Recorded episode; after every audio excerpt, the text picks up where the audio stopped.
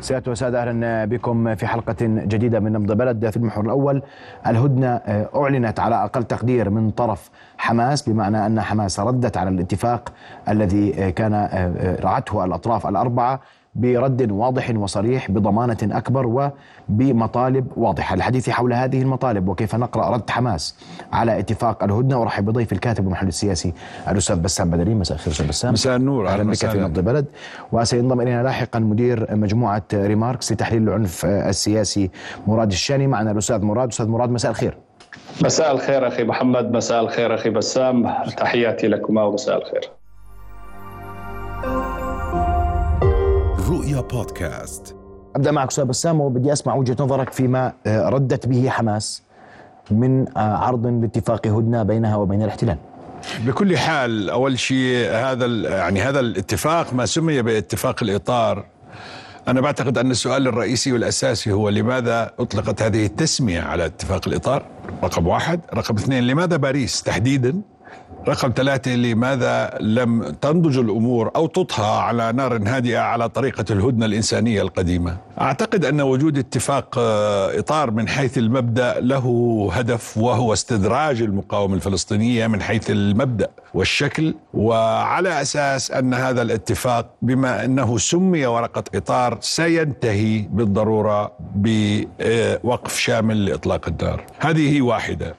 الثانية والأهم أن آه هذا المسار دعنا نسميه مسار باريس اليوم هو آه رد أمريكي متذاكي بين قوسين وغربي بالنتيجة على مسار لاهاي علينا أن ننتبه جيدا. اولا إذا أردنا أن نقرأ مشهد الجانب التكتيكي في موقف حماس علينا أخي محمد أن ننتبه جيدا إلى أن آه أيام قليلة تنتهي مهلة الشهر في التدابير الاحترازية بموجب قرار محكمة العدل العليا. وعلى الجانب الإسرائيلي أن يقدم أوراق ووثائق تقول ما هي الخطوات التي اتخذها للاحتياط لمنع شبهة حصول أعمال إبادة.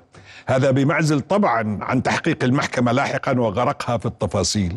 وما أعتقده أنا شخصيا من باب التربيط والتحليل هو أن الأمريكيون اخترعوا مسار باريس واتفاقية الإطار لتمكين الإسرائيلي من تقديم مادة مع نهاية مهلة الشهر لمحكمة العدل العليا يقول فيها الإسرائيلي أنه خاض في بمفاوضات وأنه فعل ذلك لأسباب تتعلق بالاستجابة للمجتمع الدولي وأن المساعدات يعني تم إدخالها بموجب اتفاق بمعنى أو بآخر وأعتقد أن الأخوان في القيادة السياسية لحركة حماس يعلمون ذلك جيدا بمعنى أو بآخر مسار باريس محاولة جديدة لإنزال إسرائيل عن شجرة محكمة لاهاي بصورة محددة. وبالتالي من حيث الشكل والمضمون والزمن والتوقيت علينا أن نأخذ ذلك بالاعتبار. هل تنجح هذه الخطوة؟ في إعفاء إسرائيل من التزامات أساسية لاحقا وليس إسرائيل فقط الحقيقة المجتمع الدولي وجميع الدول لأن قرار لاهاي أربك كل الأطراف وخلط كل الأوراق بدلالة أن الدول الغربية بدأت في حالة تماوج وحالة تجاذب وتبحث عن حلول وتبحث عن سيناريوهات. ابتكر الأمريكيون بدعة اتفاقية الإطار وكسبت جولة بهذه التسمية بالمناسبة فصائل المقاومة. أما رد المقاومة المباشر بصيغة موافقون ولكن هذه الصيغة الحقيقة أعادت إنتاج الوضع الاستراتيجي الذي تقدمت به المقاومة بالرغم من كل الخسائر والتدمير والإجرام والإرهاب. أعتقد أن رد المقاومة كان ذكيا كان يدلل على قراءة استثنائية وعميقة وبطيئة. بالمناسبة المقاومة تبحث ردها منذ تسعة أيام.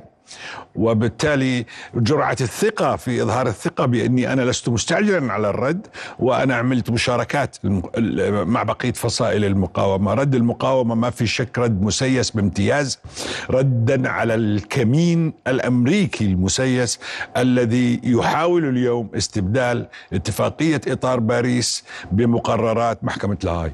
أستاذ مراد أسمع وجهة نظرك. والأستاذ بسام ربط بين ما يحدث في باريس وبين ما حدث في لاهاي وأنها محاولة لتمرير مسار لاهاي أمام مسار باريس. وجهة نظرك. نحن محمد ازاء مرحلة جديدة يجب أن نشير يعني أجل هاي أساسية محكمة العدل الدولية أساسية لكن ما يجري في غزة هو العامل الحاسم الأساسي أنا باعتقادي. رغم أهمية المواقف الدولية الاقليميه لكن أهمية ما يجري في غزة اليوم وهو ما انعكس في رد حماس هذا. حماس الآن رفعت سقف المطالب إلى الحد الأقصى فيما يتعلق بمسألة التفاوض. نحن ازاء مرحلة جديدة الآن نحن ازاء انتهاء مرحلة مرحله المباحثات وإرسال الرسائل غير المباشرة وإن كانت استمرت في هذا الرد نحن نتحدث الآن على فتح باب للتفاوض. نحن نتحدث اليوم بوفق خطة جدول زمني تطرحه حماس وما بين كل هذه تجد الكثير من التفاصيل التي يمكن الاتفاق والاختلاف عليها وهو ما كنا نتحدث عنه من قبل أن كل طرف يحاول أن يرفع من سقف طلباته ويرفع أيضا من قدرته على الأرض ليزيد من آه، آه، قدرته على التفاوض. على سبيل المثال اليوم مثلا بسبب الهجمة الوحشية البربرية الإسرائيلية وقتل الكثير من المدنيين وكنا نتحدث عبر برنامجك محمد هي أيضا إعلاء السقف لأن هذه المطالب لم تكن في في في في وارد الطرح لدى حماس فيما يتعلق بالمساعدات الإنسانية والإغاثية. حماس تتحدث اليوم عن ثلاث مراحل كل مرحلة 45 يوما كل من هذه المراحل ترتبط بتبادل للأسرى على مستوى أول بعد المستوى الثاني على مستوى المجندين والمستوى الثالث هو تبادل الجثامين والجثث من قبل الطرفين.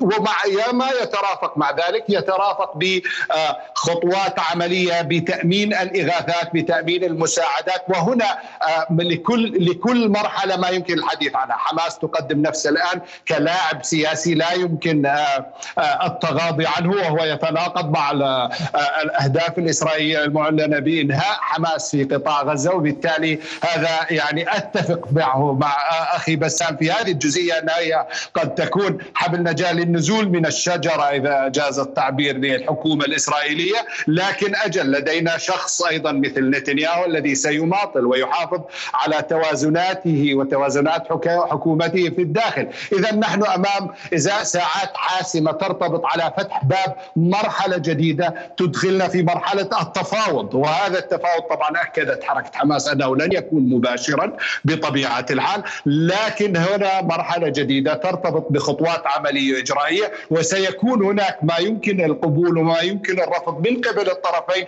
وهذا يفتح الباب على مصراعيه لتحقيق التسويات السياسية، اذا نحن الآن في إذا ساعات أساسية ترتبط بإعادة إعادة التفاوض أو فتح الباب للتفاوض وهذا كله تجده في التفاصيل التي يعني يمكن أن نذهب في الحديث عنها بشكل تفصيلي طيب وتجزئتها أنوه فقط أن نتنياهو يقول قبل قليل جنودنا يقولون أنهم لن يعودوا حتى ينتصروا في هذه الحرب وأن أن تحقيق الأهداف الحرب مسألة تحتاج لأشهر ولا رجعه عن الانتصار فيها وأنه لا يوجد حل سوى الانتصار الحاسم والا تبقى حماس في غزة مجددا.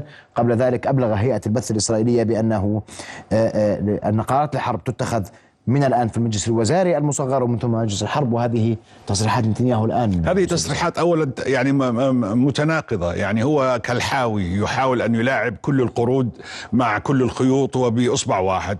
أعتقد أن هذه اللعبة سمجة وبائسة وأعتقد أن نتنياهو إذا كانت كل الأطراف كما يقول الزميل الفاضل فوق الشجرة والإدارة الأمريكية تريد إنزاله عن الشجرة أعتقد إنه راح يتكرفت كرفته عن الشجرة. يعني ما مع لم يعد من الممكن لنتنياهو نتنياهو وائتلافه الحاكم أن ينزلا بهدوء عن الشجرة وأن يستعينا بالمساعدة الأمريكية في نزول سليم آه، وآمن. نحن جميعا الآن كل الأطراف طبعا على على الشجرة لكن هناك أطراف في مستوى متدني من الأغصان القريبة من الأرض هناك أطراف في قمة الشجرة هناك آه، أطراف على الشجرة آه، أو على قمة الشجرة. أعتقد أن كل هذه التصريحات التي تقول لعم لهذه الهدنة على الأقل من قبل نتنياهو. يعني شوف جرأة المقاومة كانت أوضح بالتفاصيل. قالت نعم ولكن نتنياهو لا يريد لا يستطيع أن يقول نعم ولكن لأنه مرتبط بمجموعة كبيرة من القيود وبالتالي لم يبقى أمام الأمريكيين لكي يسترسلوا في إدارة حملتهم الانتخابية الرئاسية من هنا لشهر نوفمبر إلا يعني بمعنى أو بآخر باللغة العامية دفش هذا الرجل بأقدامهم وهو يستحق ذلك وكرفتته عم عمليا إنزاله بشكل عنيف عن عن الشجرة لأنه نتنياهو بالمعنى الشخصي نتنياهو بمعنى المشروع بمعنى التجربة خرج من السكة بكل حال. هو يعني يعلم ذلك لكن لا يريد أن يعترف بذلك بعد. من هنا من هنا أقول أن الجانب الإبداعي في عملية 7 أكتوبر من حيث المقاومة ومن حيث بعدها العسكري وبعدها التاريخي ثم الصمود الأسطوري لشعبنا في قطاع غزة وتلك المبايعة الكبيرة التي أتأمل أن تكون كل فصائل المقاومة بمستواها تاريخيا بعد الآن في الواقع لمبايعة الدم أشلاء الأطفال. واليوم الإدارة السياسية لهذا المشهد والتحاور ما بين فصائل المقاومة.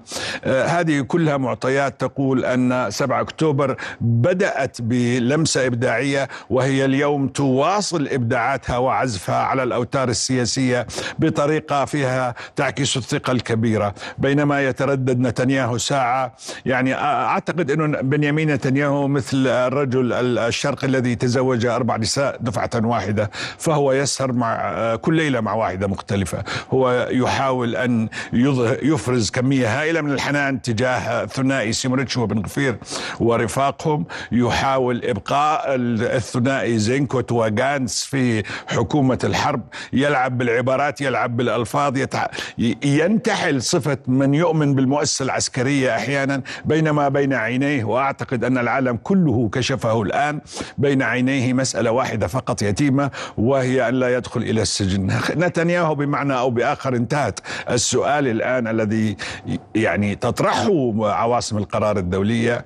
هل تنتهي معه آه، آه، على الأقل تركيبة الشكل الحالي لقيادة المقاومة في غزة؟ هل تخرج معه حركة حماس من المعادلة؟ هنا الرهان وهنا هدف الكمين الأمريكي المنصوب لمقايضة الجوار العربي المستوى الإقليمي منطقة الشرق الأوسط كلها الحكومات والشعوبها مقايضتها ما بين سيناريوهين.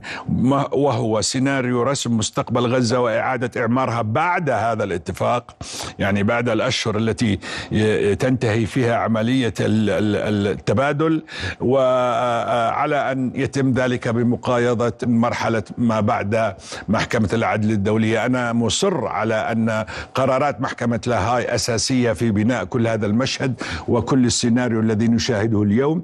أنا مصر على أن الإدارة الأمريكية تزرع كمينا وما يعني لدي دليل حقيقة على آه، هذا هذا الإصرار. وهو؟ وهو أن الدول العربية والإسلامية حتى هذه اللحظة لم تقدم للأسف الشديد طبعا وهذا أمر مخجل أي مرافعة حقيقية لمحكمة العدل الدولية. لم تقدم أي بلاغ لهذه المحكمة في فترة البلاغات. هذا يثبت أن وراء الكواليس ثمة خطة أمريكية وثمة وعود تبدأ بهدنة طويلة الأمد كما وصفها بايدن وصولا إلى وقف إطلاق النار وعودة إلى الشعار القديم البائس الذي يقول لا مستقبل لحماس في غزة لا مستقبل لغزة بوجود حماس عودة السلطة ثم الحديث عن البالون القديم المتجدد الذي يحمل اسم دولة فلسطينية بلا سيادة يعني بدون آه، أفق وليس على حدود 67 ضمن ما يسمى بلعبة آه،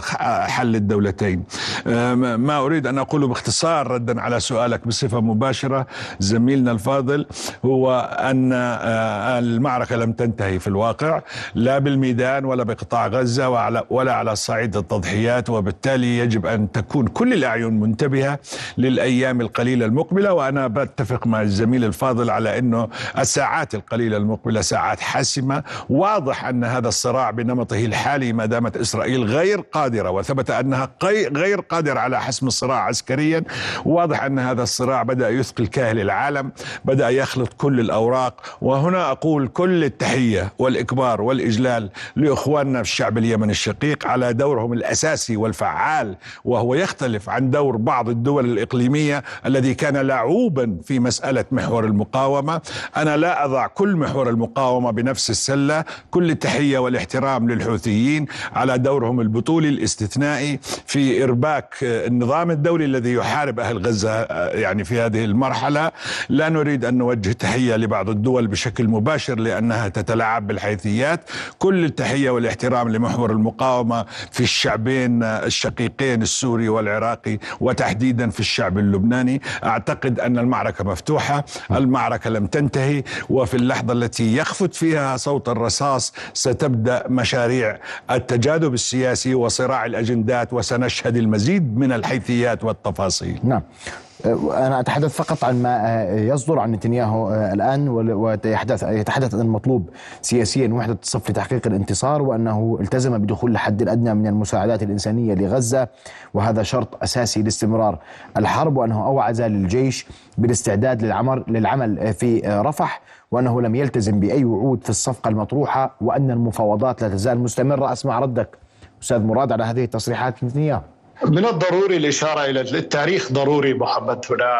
نتنياهو كان لديه تفاهمات من قبل مع حماس تفاهمات بمعنى وصول نوع من المباحثات والتوصل إلى نوع من الحلول التي لم يلتزم بها. ونتنياهو أيضا من ناحية أخرى شخص قدم نفسه كحامي لإسرائيل وقد كتبت عن هذا اليوم لسنوات طويلة. يشعر بعد السابع من أكتوبر أنه خسر كل هذا الإرث الذي حاول أن يبنيه بالتالي هو في مأزق نعم وهو أيضا قابل من التجارب التاريخية السابقة أن يتنصل من اتفاقاته ولذلك في بداية حديثي أشرت أنه سيراوغ وسيماطل لأن نتنياهو بهذا الشكل لا يرغب بإنهاء العمليات العسكرية في غزة وبنفس الوقت لا ليس لديه حلا لا عسكريا ولا سياسيا. وبالتالي مسألة بحث التفاوض وهنا يعني باتت أساسية. وهنا أريد أن أفرش فقط يعني على قضية السياقات سياقات ضرورية يعني منذ أيام سمعنا وزير خارجية بريطاني ديفيد كاميرون يتحدث عن مسألة الاعتراف إمكانية الاعتراف بدولة فلسطينية. سمعنا أصوات أمريكية أيضا في الإدارة الأمريكية تتحدث عن هذا وهذا مع اقتراب يعني الإعلان عن إطار أو مسار باريس كما أشار إليه الزميل الفاضل. وبالتالي نحن نتحدث الآن كنا على مسألة نوع من تقديم ما هي البدائل ونعيد وأعيد وأكرر أنا ولا أريد أن أكرر نفسي المجتمع الغربي في معظم دوله دعم عمليات العسكرية لإسرائيل في غزة بغيه إنهاء حماس كما أعلنوا للتوصل إلى فتح المفاوضات لحل الدولتين، هذا لم ينجح لكن بدأ مسألة الحديث عن الدولة الفلسطينية بشكل أكبر وأقوى، رد حماس اليوم جاء بشكل واضح أنهم جزء من هذا اللاعب الأساسي إنجاز التعبير في غزة حيث أن المساعدات يجب أن تدخل من طرفهم حتى يكون هناك إطار زمني محدد لتبادل الأسرى من الطرفين. وبالتالي نحن نتحدث عن خطة سياسية قابلة للتفاوض. هذا هذا ما الإعلانات القادمة من قبل نتنياهو أجل هو على إكراهات عدة إكراهات مرتبطة بالمجتمع الدولي فيما أشرت في هذا السياق رغم كل الدعم الذي وجده من من المجتمعات أو من الدول الغربية تحديدا رغم أن مواقف المجتمعات مختلفة تماما هذه المرة. أيضا هناك إكراهات عليه في الداخل وهناك إكراهات في العمليات التي تنفذها المقاومة تكبد الخسائر لجيش الاحتلال في داخل غزة وبالتالي يجب أن ننظر لهذا جزء من آآ آآ يعني وجه لوجهين العملة، الوجه الآخر. هناك خسائر على الأرض، خسائر بشرية وهناك استهدافات لقدرات حماس على الأرض، مما يعني أن مسألة التفاوض ستكون كحل أساسي لأي صراع عسكري بطبيعه الحال، وبالتالي الآن إذا كان الحديث سيكون كيف نظر الأطراف الإقليمية وبالتالي الرهان على أن تدخلات إقليمية كما أشار الضيف الكريم أعتقد أنها الآن ستبدأ بالتراجع وهذا الحديث سمعناه عن قضية إمكانية التوصل إلى نوع من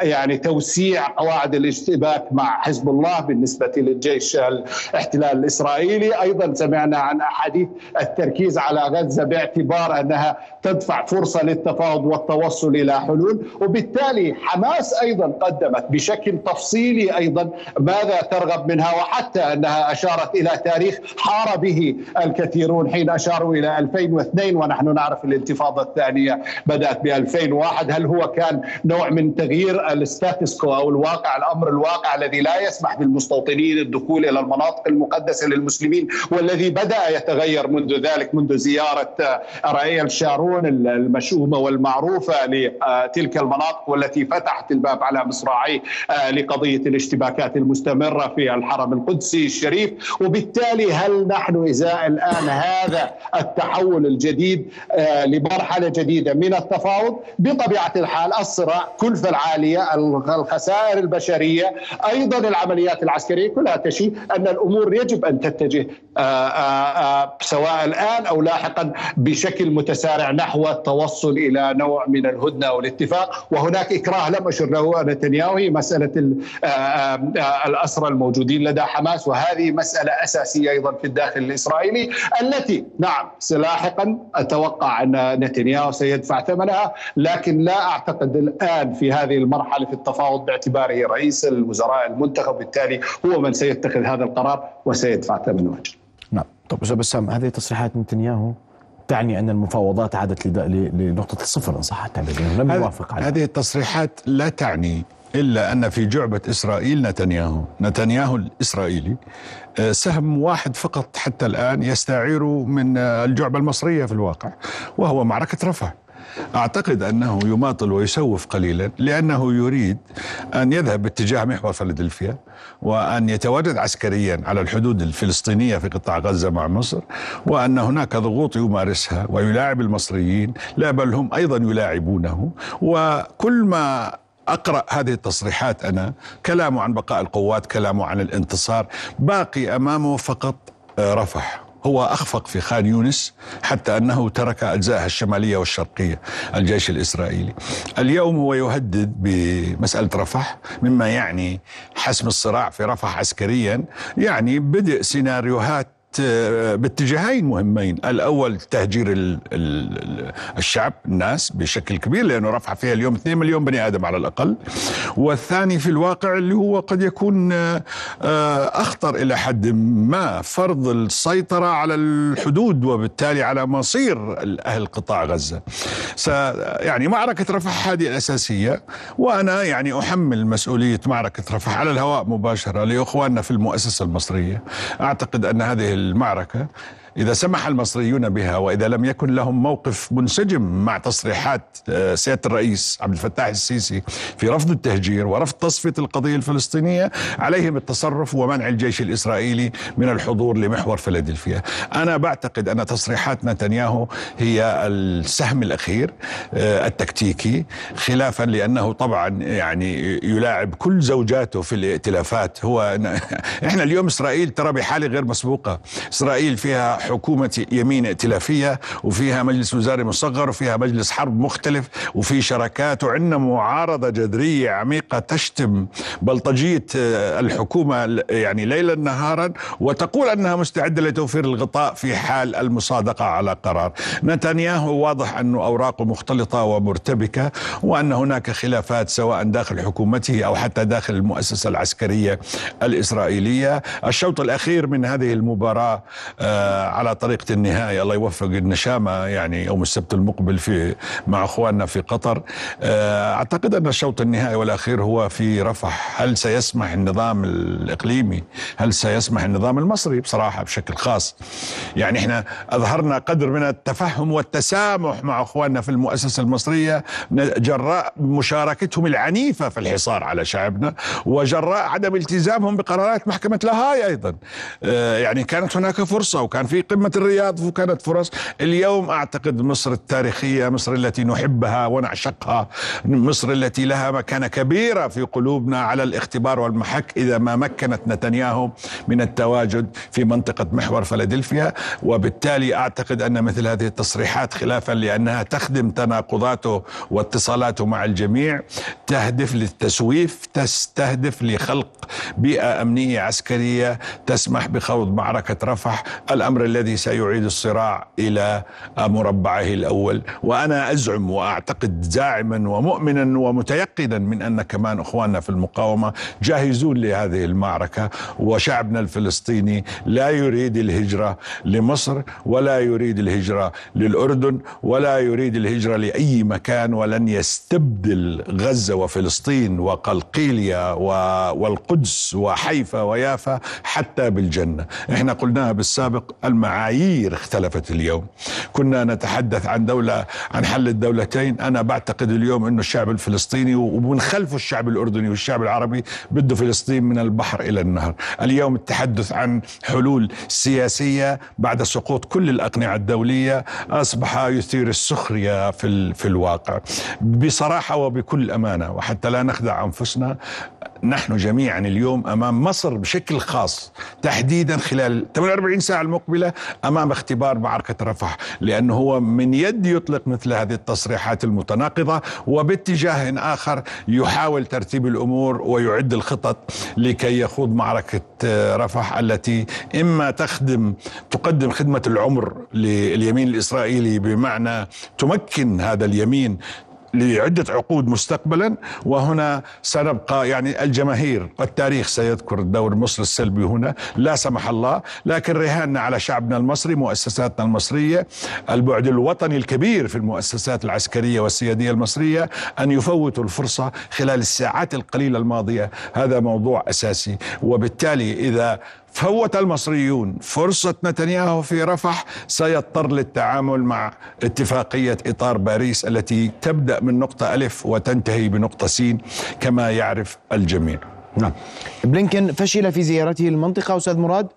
آه لا أعتقد أنه فشل يعني وهنا عامل اساسي الإشارة إلى مصر ورفح أجل رفح ستعيد يعني تعيدنا إلى المربع الأول بل أدنى من ذلك إذا ما تمت هناك أي عملية عسكرية. وهذا الضغط الدولي والإقليمي الذي يحاول أن يتفاداه أجل هناك نزعات داخل إسرائيل للاستمرار فيها وبالتالي محاولة مغازلة اليمين. لكن أيضا هناك عامل أساسي يرتبط ببيان الخارجية السعودي مهم أيضا لأن هذا هذا الثمن مرة أخرى لانتهاء العمليات العسكرية يرتبط بوجود حل سياسي. وهو نفس يعني ما سمعناه أيضا من مقربين من حماس وهم يتحدثون. أن السابع من أكتوبر كانت عملية لإعادة وضع فلسطين والقضية الفلسطينية على رأس الأجندة ومنها ما يمكن أن يفتح الباب على مصراعيه إلى الحلم الطويل لما يتعلق بوجود دولة فلسطينية. إذا العامل الإقليمي أيضا عامل مهم وهو يرتبط أيضا ليس فقط في مصر في أيضا في السعودية خاصة بيان الخارجية. السعودي كان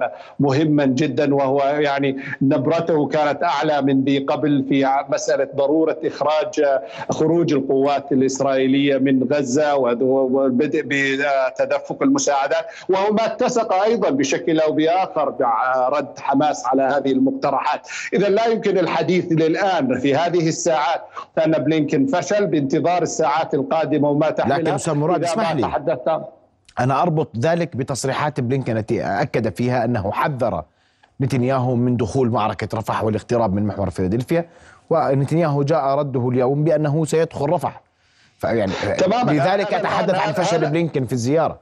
هذا اللي أنا كنت أقول لك عنه إذا ما بدأت معركة رفح ودخلت القوات الإسرائيلية إلى مارثر إلى إلى محور فيلادلفيا اذا فشلت زيارة بلينكن، لكن إذا ما شهدنا أي اختراق يرتبط بالمباحثات القائمة الآن ورد حماس على تلك الشروط وفق شروطها ولو أي شكل من اشكال التحريك فاذا لم يكن لم يفشل بلينكن، هذا ما أشير إليه، لكن بدء معارك رفح أجل تعني فشل. فشلا ذريعا لكل ما يرتبط بما ذكر عليه واعاده الفتح من باب آه، يعني من جديد للكثير من العمليات العسكرية الدموية التي ستتسببها أيضا بطبيعة الحال حال الكثافة السكانية اللي موجودة هناك. وبالتالي هذا يثير العامل الإقليمي خاصة المرتبط بمصر وآلية تعامله خاصة أن مصر حذرت دوما حذرت دوما من الاقتراب من هذا المحور. وبالتالي هي تكون أمام محك حقيقي إذا ما آه،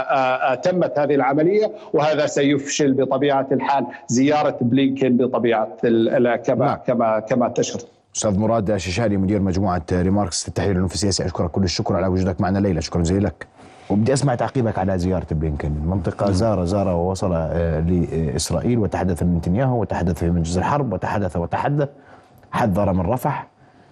أراد لهذا الاتفاق الإطاري أن يمر. والواضح أنه لم يمر على أقل تقدير في طبعا. في هذه اللحظات طبعا هو الاتفاق إطار باريس آه، فكرته إنقاذ إسرائيل من نفسها في الواقع يعني العالم المجتمع الدولي الأمريكيين بلينكن وغيره والأوروبيين ركضوا يوم 7 8 أكتوبر على إسرائيل لإنقاذها من الشعب الفلسطيني ومن المقاومة.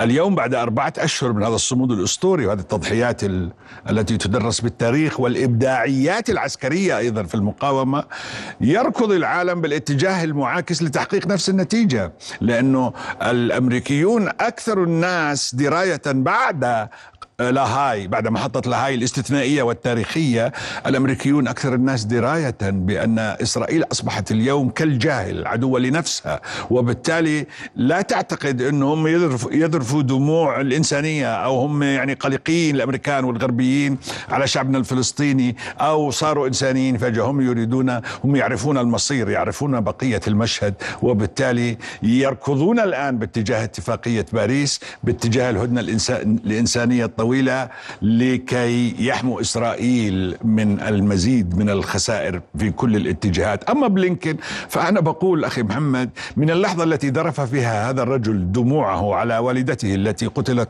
ما بعرف وين بأوراسيا آه، أمام الكاميرات الإسرائيلية اكتشفنا جميعا أنه على طريقة الله يرحمه ميشيل حجازين يكذب ثم يكذب ثم يكذب. هذا الرجل ليس وزيرا للخارجية هذا الرجل دجال. رجال دبلوماسي في الواقع أنا لا أثق به ولا بقدراته وثبت أنه غير موهوب بالمناسبة. لكن لأنه إحنا يعني حظنا طايح على طريقة إخواننا الخليجيين في العالم العربي بنستقبله وبنتفاعل معه رغم أنه يكذب ويعكس مؤسسة كاذبة ورجل صهيوني بامتياز. بالتالي أنا لا يعني لا أحمل أي شيء على محمل الجد من بلينكن وإن كان قد حضر للمنطقة عدة مرات واشتغل على طريقة إذا بتتذكر إحنا عندنا مثل شعبي بضل يقول آه، غفير الصبة يعني اشتغل على على طوال الوقت على طريقة غفير الصبة في الحالة الأردنية والقروية وبالتالي هو كأنه الكذاب المناوب في خدمة المشروع الإسرائيلي والصهيوني.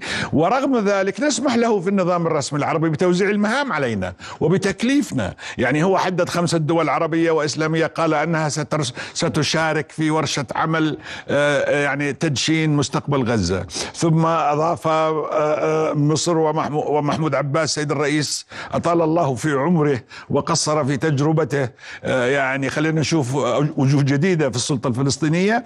وبالتالي أنا لا أراهن كثيرا على هذا المقاول الذي يوزع المهام باسم الدبلوماسية الأمريكية. وأنا أعتقد أن الغائب الأساسي في كل حراك ولغة وتصريحات وجولات أنتوني بلينكين هو مصلحة الولايات المتحدة الأمريكية في الواقع هو يعمل باتجاه معاكس لمصلحة الأمريكيين القومية وأقولها بكل آه، ضمير آه، مرتاح. اليوم إحنا إزاء المقايضة المرتبطة بقرار لاهاي كما قلت أنا قبل قليل.